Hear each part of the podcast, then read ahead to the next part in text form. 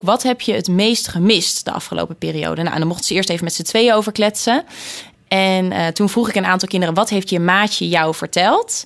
Toen zei één iemand: jou. En toen had dat maatje dus gezegd dat ze mij het meest had gemist. En ik wist ook even niet zo goed wat ik moest zeggen, want ik had het helemaal niet verwacht. Dacht ik: oh, dit is echt zo lief. Welkom. Leuk dat je luistert naar Fris, de podcast. In deze podcast ga ik in gesprek met startende leerkrachten in het basisonderwijs.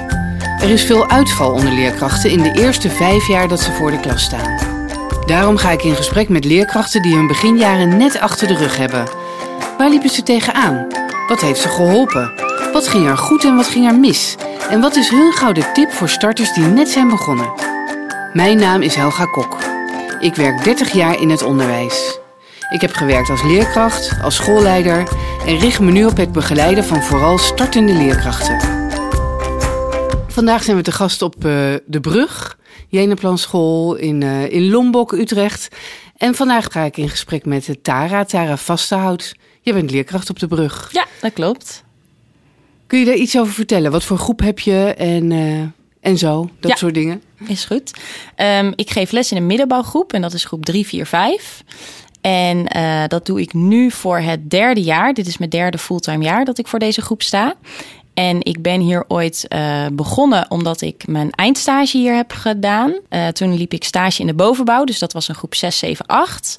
En toen in oktober kwam er een vacature vrij in de middenbouw. En toen dacht ik, nou, dat lijkt me eigenlijk wel heel leuk om, uh, om daar te gaan starten. Dus toen dacht ik nog, ja, zou dat wel gaan lukken? Want ik ben natuurlijk nog bezig met mijn opleiding.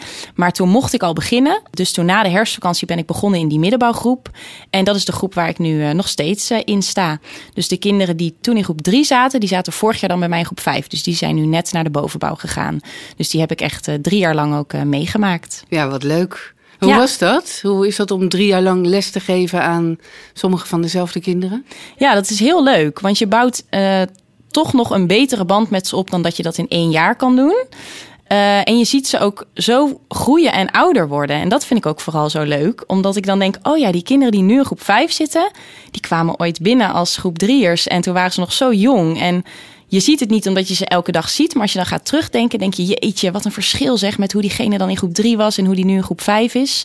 Dus dat is heel leuk, vind ik eraan. Dat je ze echt ja, langere ontwikkeling bij ze ziet. Dus dat vind ik er heel leuk aan. Dus je hebt geen spijt gehad van je beslissing van dat moment, een paar jaar geleden? Nee, helemaal niet. Nee, ik dacht toen al van, dit is denk ik wel echt leuk om te gaan doen. En ja, dat denk ik nog steeds. Waarom heb je gekozen voor het onderwijs? Uh, nou, ik heb zelf psychologie hiervoor gestudeerd. Uh, dat vond ik heel leuk. Maar ik had al wel snel dat ik dacht, ja, wat ga ik ermee doen? Uh, het is natuurlijk een hele theoretische opleiding. Dus ik dacht, ja, ik kan in allerlei dingen terechtkomen, maar wat wil ik eigenlijk echt? En toen heb ik in mijn stage heb ik les gegeven op de universiteit. En dat vond ik toen eigenlijk heel leuk. En toen kon ik blijven als junior docent. Dus toen ging ik ook lesgeven bij de studie van psychologie zelf. Uh, nou, dat vond ik heel leuk, dat lesgeven. Maar ik miste toen heel erg een band met een groep. Dat ik dacht, ja, ik zie ze twee uur in de week en volgende week zie ik ze weer twee uur. En dat vond ik leuk, maar ik dacht, ik vind het gewoon leuk om ze elke dag te zien. En ik vind het ook leuk als ze wat jonger zouden zijn. Dus uh, mijn zus is ook uh, leerkracht. Zij heeft het wel meteen gedaan na de, uh, na de middelbare school. Zij had juist zoiets van: jouw baan lijkt me leuk. Oh ja. en toen zei ik: nee, jouw baan lijkt me heel leuk. Dus toen zei ze: nou, kom maar een keertje kijken. Dan ben ik benieuwd of je het nog steeds wil. En toevallig werkte ze toen ook op een Jenaplan school in Apeldoorn. Dus toen ben ik een dagje met haar mee gaan lopen. En aan het eind van de dag zei ik: ja, ik wil het nog steeds. Het lijkt me nog steeds heel leuk. En ik weet nog wel heel goed wat me het meest ver verbaasde aan het eind van die dag. Of waarvan ik dacht: hè dat had ik niet verwacht of zo, was dat de kinderen gewoon niet stil konden zitten. Ik weet het nog heel goed dat ik de hele tijd dacht: hè, die wiebelt op zijn stoel en die zit aan zijn trui. En ik was natuurlijk studenten gewend en die waren gewoon stil of zaten stil. En de kinderen waren dan misschien wel stil, maar ze waren de hele tijd zo wiebelig en zo. Toen dacht ik: oh, dat kan ik me nog heel goed herinneren dat ik daarvan dacht: oh, dit is gek, dit had ik niet verwacht. Nee. Maar verder vond ik het wel nog steeds heel leuk. Dacht ik: ja, dit wil ik echt wel gaan doen. Dus dan ben ik een beetje gaan uitzoeken van, nou wil ik dan een zij-instroomopleiding doen of wil ik de deeltijdopleiding doen? En toen dacht ik, nou ik vind het wel echt fijn eigenlijk om een goede opleiding te doen. Dus laat ik maar voor de deeltijd wel kiezen en niet proberen om op een school te starten als zij-instromer, want ik dacht dan mis ik misschien iets. Uh, dus uiteindelijk heb ik het wel uh, als deeltijdopleiding gekozen bij de Marnix. En uh, daar ben ik ook heel blij mee dat ik Ja? dat heb gedaan. Ja, we hadden ook een hele leuke groep daar. En ehm het was echt heel fijn en gezellig. En het was ook fijn dat je daarnaast dan nog wel kon blijven werken. Dus daar ben ik nog steeds uh, wel blij mee dat ik het op die manier heb gedaan. Ja, want hoeveel dagen werkt je dan nog? Drie dagen werkte ik. Dat was wel te doen, vond ik hoor. Drie dagen werkte ik dan en dan één dag had ik stage en één dag studeerde ik en twee avonden ging ik naar school. En nu hebben ze ook de dagvariant, dus dan kun je ook eventueel kiezen om het dan niet in de avond te doen, de colleges, maar uh, om dat uh, overdag te doen. Maar ik vond het precies goed zo. Mooi verdeeld zo over je week. Maar dat ja. klinkt wel vrij intensief natuurlijk. Ja, klopt. En ja. daarom is het ook fijn dat het 2,5 jaar is. Dat je ook weet, oké, okay, het einde is wel goed in zicht. Het is niet dat het nog vier jaar duurt, een opleiding. Dus dat is er ook wel fijn aan. Ja. Dat je weet van, nou, na dit jaar, uh, het einde is uh, nabij. Ja, precies. ja. Wat was het grootste verschil tussen het moment dat je stage liep... en dat je echt ging beginnen volledig voor die groep? Het verschil is dat als je, tenminste hoe het voor mij voelde... als je stage loopt, heb je altijd nog iemand om op terug te vallen. Dat is natuurlijk ook wel als je echt gaat lesgeven, maar je hebt niet zelf de verantwoordelijkheid, of tenminste de eindverantwoordelijkheid voor die groep. Je moet de dingen doen vanuit je opleiding natuurlijk voor je stage. Uh, maar heel veel dingen uh, hoef je ook nog niet te doen. Dus, uh, bijvoorbeeld rapporten of bepaalde gesprekken met ouders, dat soort dingen. Dus ik had ook altijd het idee toen ik stage liep dat het meeste van je werk zou bestaan uit het ontwerpen van je lessen en het voorbereiden van je lessen. En toen ik eenmaal begon, dacht ik: nee, dat is eigenlijk een veel kleiner deel dan ik verwacht had. Omdat er nog zoveel andere dingen eigenlijk bij komen kijken die je niet helemaal door hebt op het moment dat je stage loopt. Omdat dat pas komt als je echt ook eindverantwoordelijk bent voor de groep. En dat had ik misschien niet helemaal verwacht. Ik vind het niet erg of ik vond het niet vervelend. Maar ik dacht, oh, er gaat echt veel minder tijd zitten in het voorbereiden van de lessen dan ik had verwacht. Niet omdat ik er minder tijd voor nodig heb, maar omdat ik gewoon heel veel tijd ook aan andere dingen moet besteden. Dus dat vond ik wel een groot verschil. Daar werd je wel op voorbereid, maar toch kan dat misschien ook niet helemaal. En moet je dat in de praktijk ook gewoon meemaken? Dat soort dingen. Dat je denkt, oh ja, hier zit zoveel tijd en er komt nog zoveel meer bij kijken. Maar dat moet je gewoon meemaken en dan rol je daar wel in. En misschien kan je daar ook niet helemaal op voorbereid worden. Dat moet je gewoon aldoende, moet je dat leren. Ja, precies. Ja. ja. En wat vond je nou, want je had het over oude gesprekken. Bijvoorbeeld, hoe, hoe ging dat? Liep je daar tegenaan of ging dat gelijk um, vanzelf goed? Het ging op zich wel goed. Uh, ik weet nog dat ik mijn eerste oude gesprekken toen ook samen met mijn duo heb gedaan in de middenbouwgroep. En dat was ook wel fijn, dat je wel even een beetje met iemand kan meekijken hoe werkt het.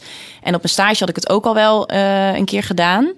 En wat ik gemerkt heb is dat het gewoon heel fijn is om per kind dan even op te schrijven wat zijn de belangrijke dingen die ik wil vertellen en wat, ja, wat vraag je aan ouders. Maar nee, dat ging op zich wel. Uh, en was het gelijk duidelijk hier op school van zo doen we dat, de oudergesprekken? Uh, ja, dat was redelijk duidelijk. We hebben ook wel een format van waar je wat handig is om je aan te houden tijdens een oudergesprek. Van wat bespreek je, wat vraag je eerst aan de ouders. Dat was wel vrij snel duidelijk. Ja. En toen ben je, nou, je bent op dezelfde school gebleven, natuurlijk op ja. deze school. Ja, klopt. En toen ging je echt beginnen. Hoe was dat? Oeh, dan moet ik even goed terugdenken hoe dat was. Ja, ik begon natuurlijk al in die ene groep als leerkracht, terwijl ik in de andere groep nog stagiair was. Ja. Dus dat was wel een beetje gek, maar omdat het wel een hele andere groep was en ook middenbouw en bovenbouw, stoorde dat niet echt. Ik had niet het idee dat dat voor mij of voor de kinderen verwarrend was.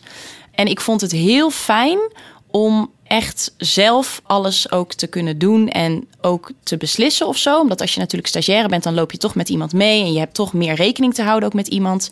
En ik vond het toch wel heel fijn dat je echt zelf de hele dag hebt en dat je denkt, nou, we gaan er, wat gaan we vandaag eens doen? En dat je dat zelf kan plannen. En uh, dat vond ik er wel heel fijn aan hoor. Daar was ik wel echt aan toe toen Ja. ook. Dat je gewoon je eigen groep hebt. En ik had dat jaar natuurlijk nog twee groepen. Want toen ik klaar was in de bovenbouw als stagiaire, kon ik blijven ook in die groep. Want mijn mentor ging toevallig weg.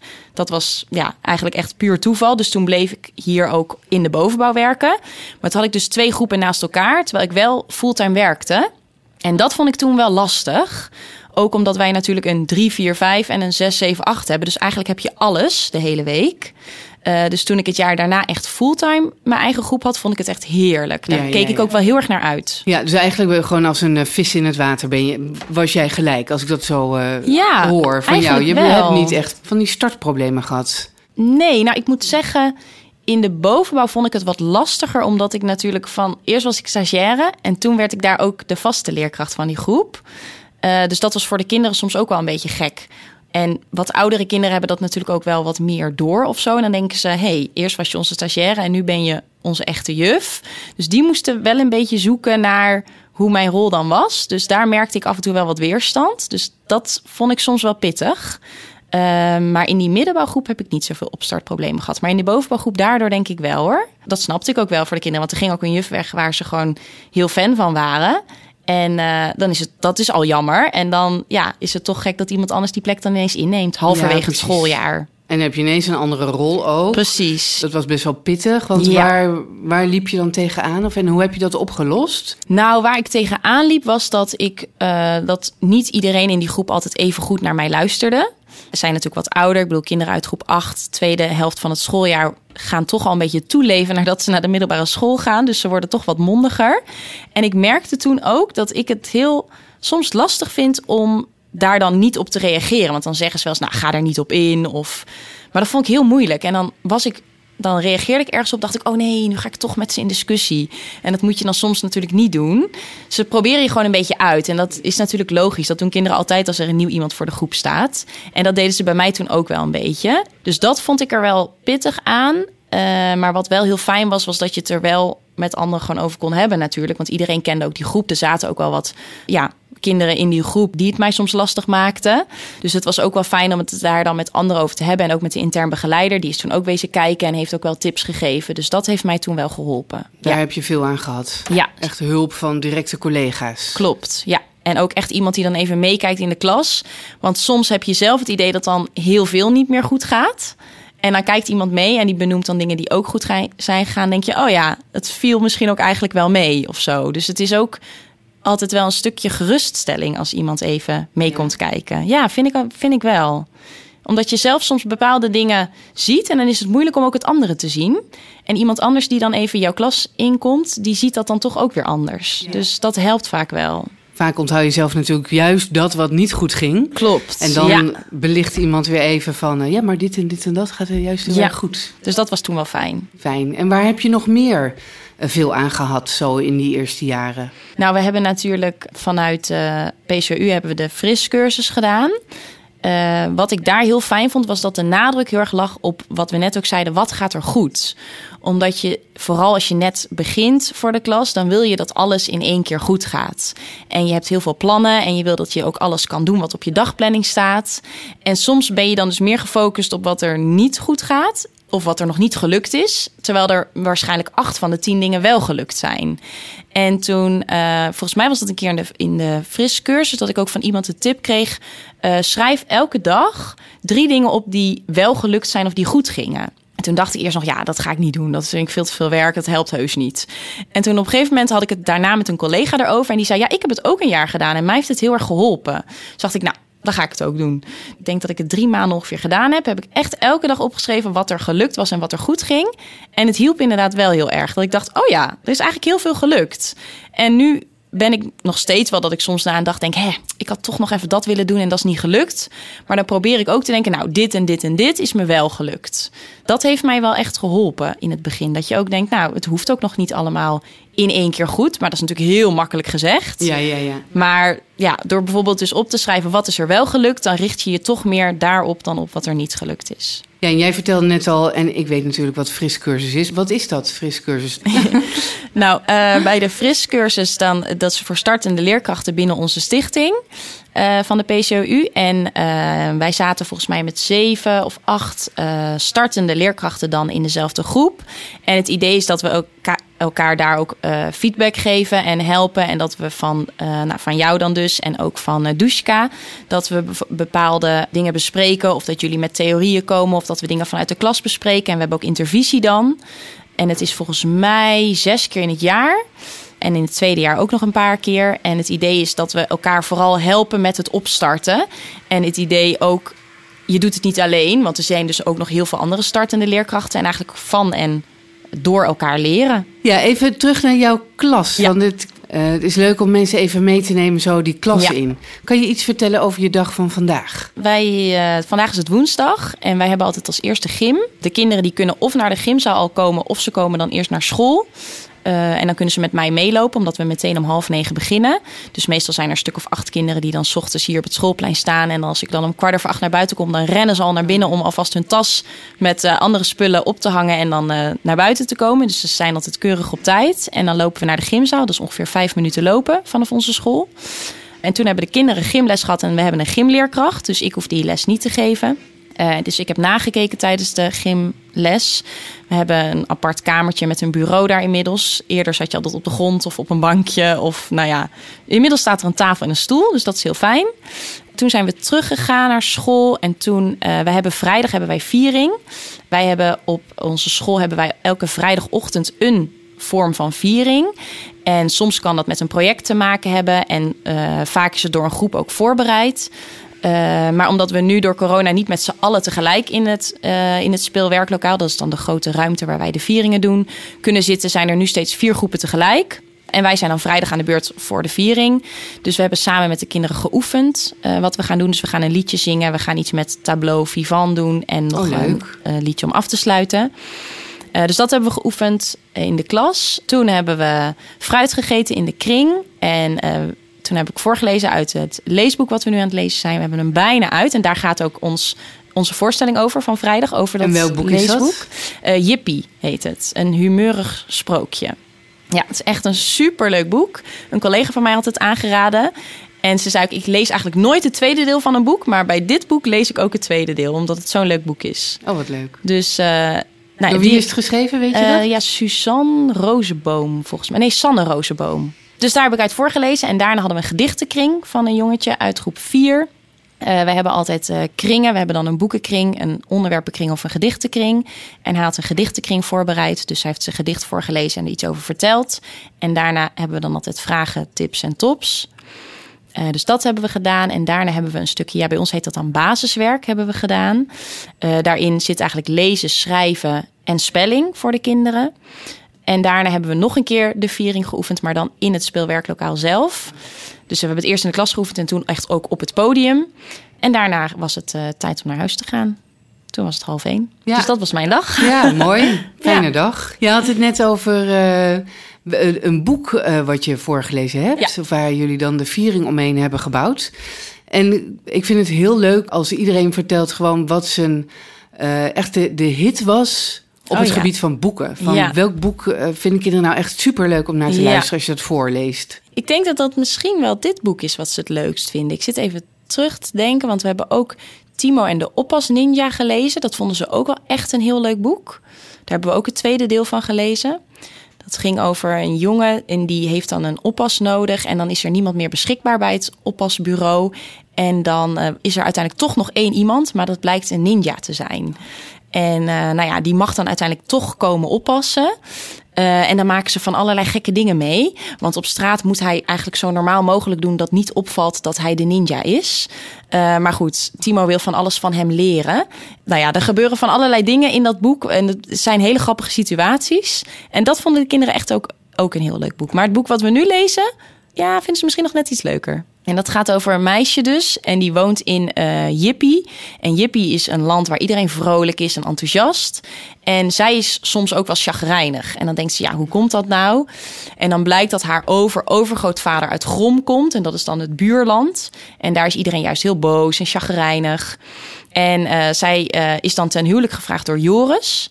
En zij wil eigenlijk niet met hem trouwen, want uh, ja, hij is altijd vrolijk. En ze wil iemand trouwen die ook af en toe een beetje boos is of af en toe een beetje chagrijnig. En daar gaat ze dan naar op zoek.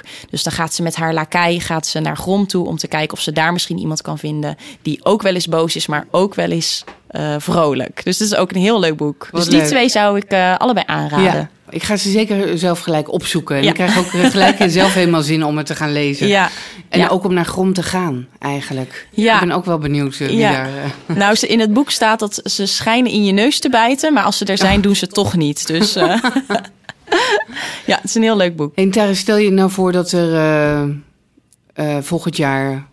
een nieuwe startende leerkracht bij jullie op school komt... Mm -hmm. en jij gaat die begeleiden. Wat zou je dan...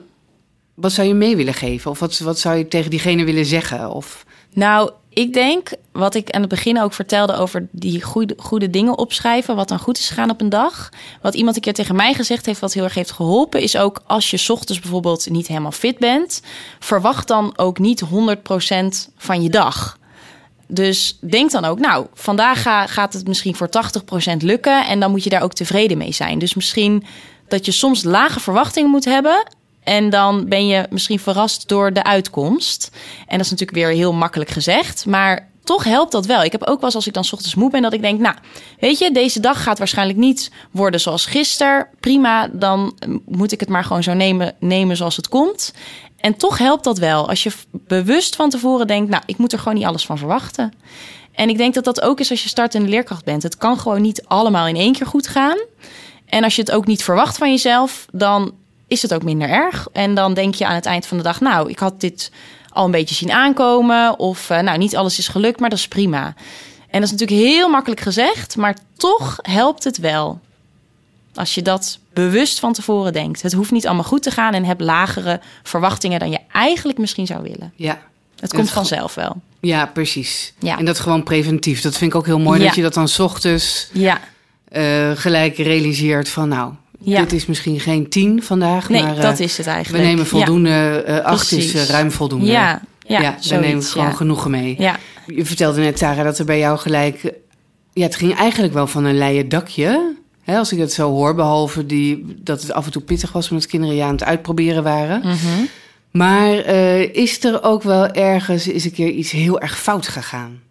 Weet je dat nog? ja, dat is een goede vraag.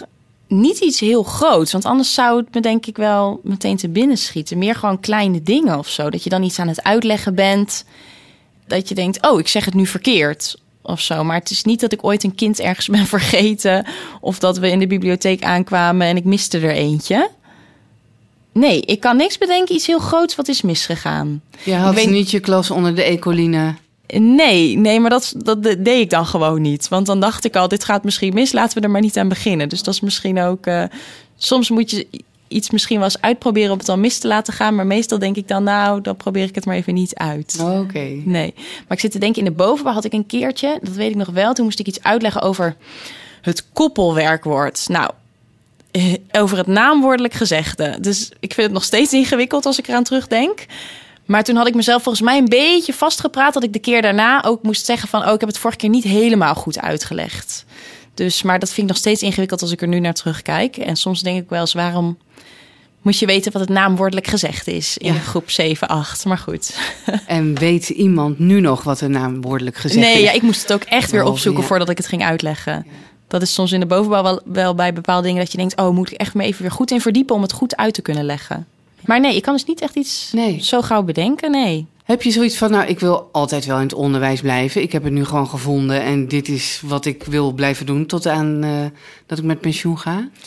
Nou, ik denk nu wel, dit is echt wat ik wil. Ik ben ook dus heel blij dat ik de stap heb genomen om dit te gaan doen. Eh, en ik denk ook zeker dat ik het nog een paar jaar op deze manier doe. Maar ik denk niet dat ik nog 30 jaar voor de klas zal staan. En het lijkt me ook wel leuk om eh, hierna misschien iets op vlak van intern begeleiding te doen. En eh, misschien uiteindelijk ook wel schoolleider te worden.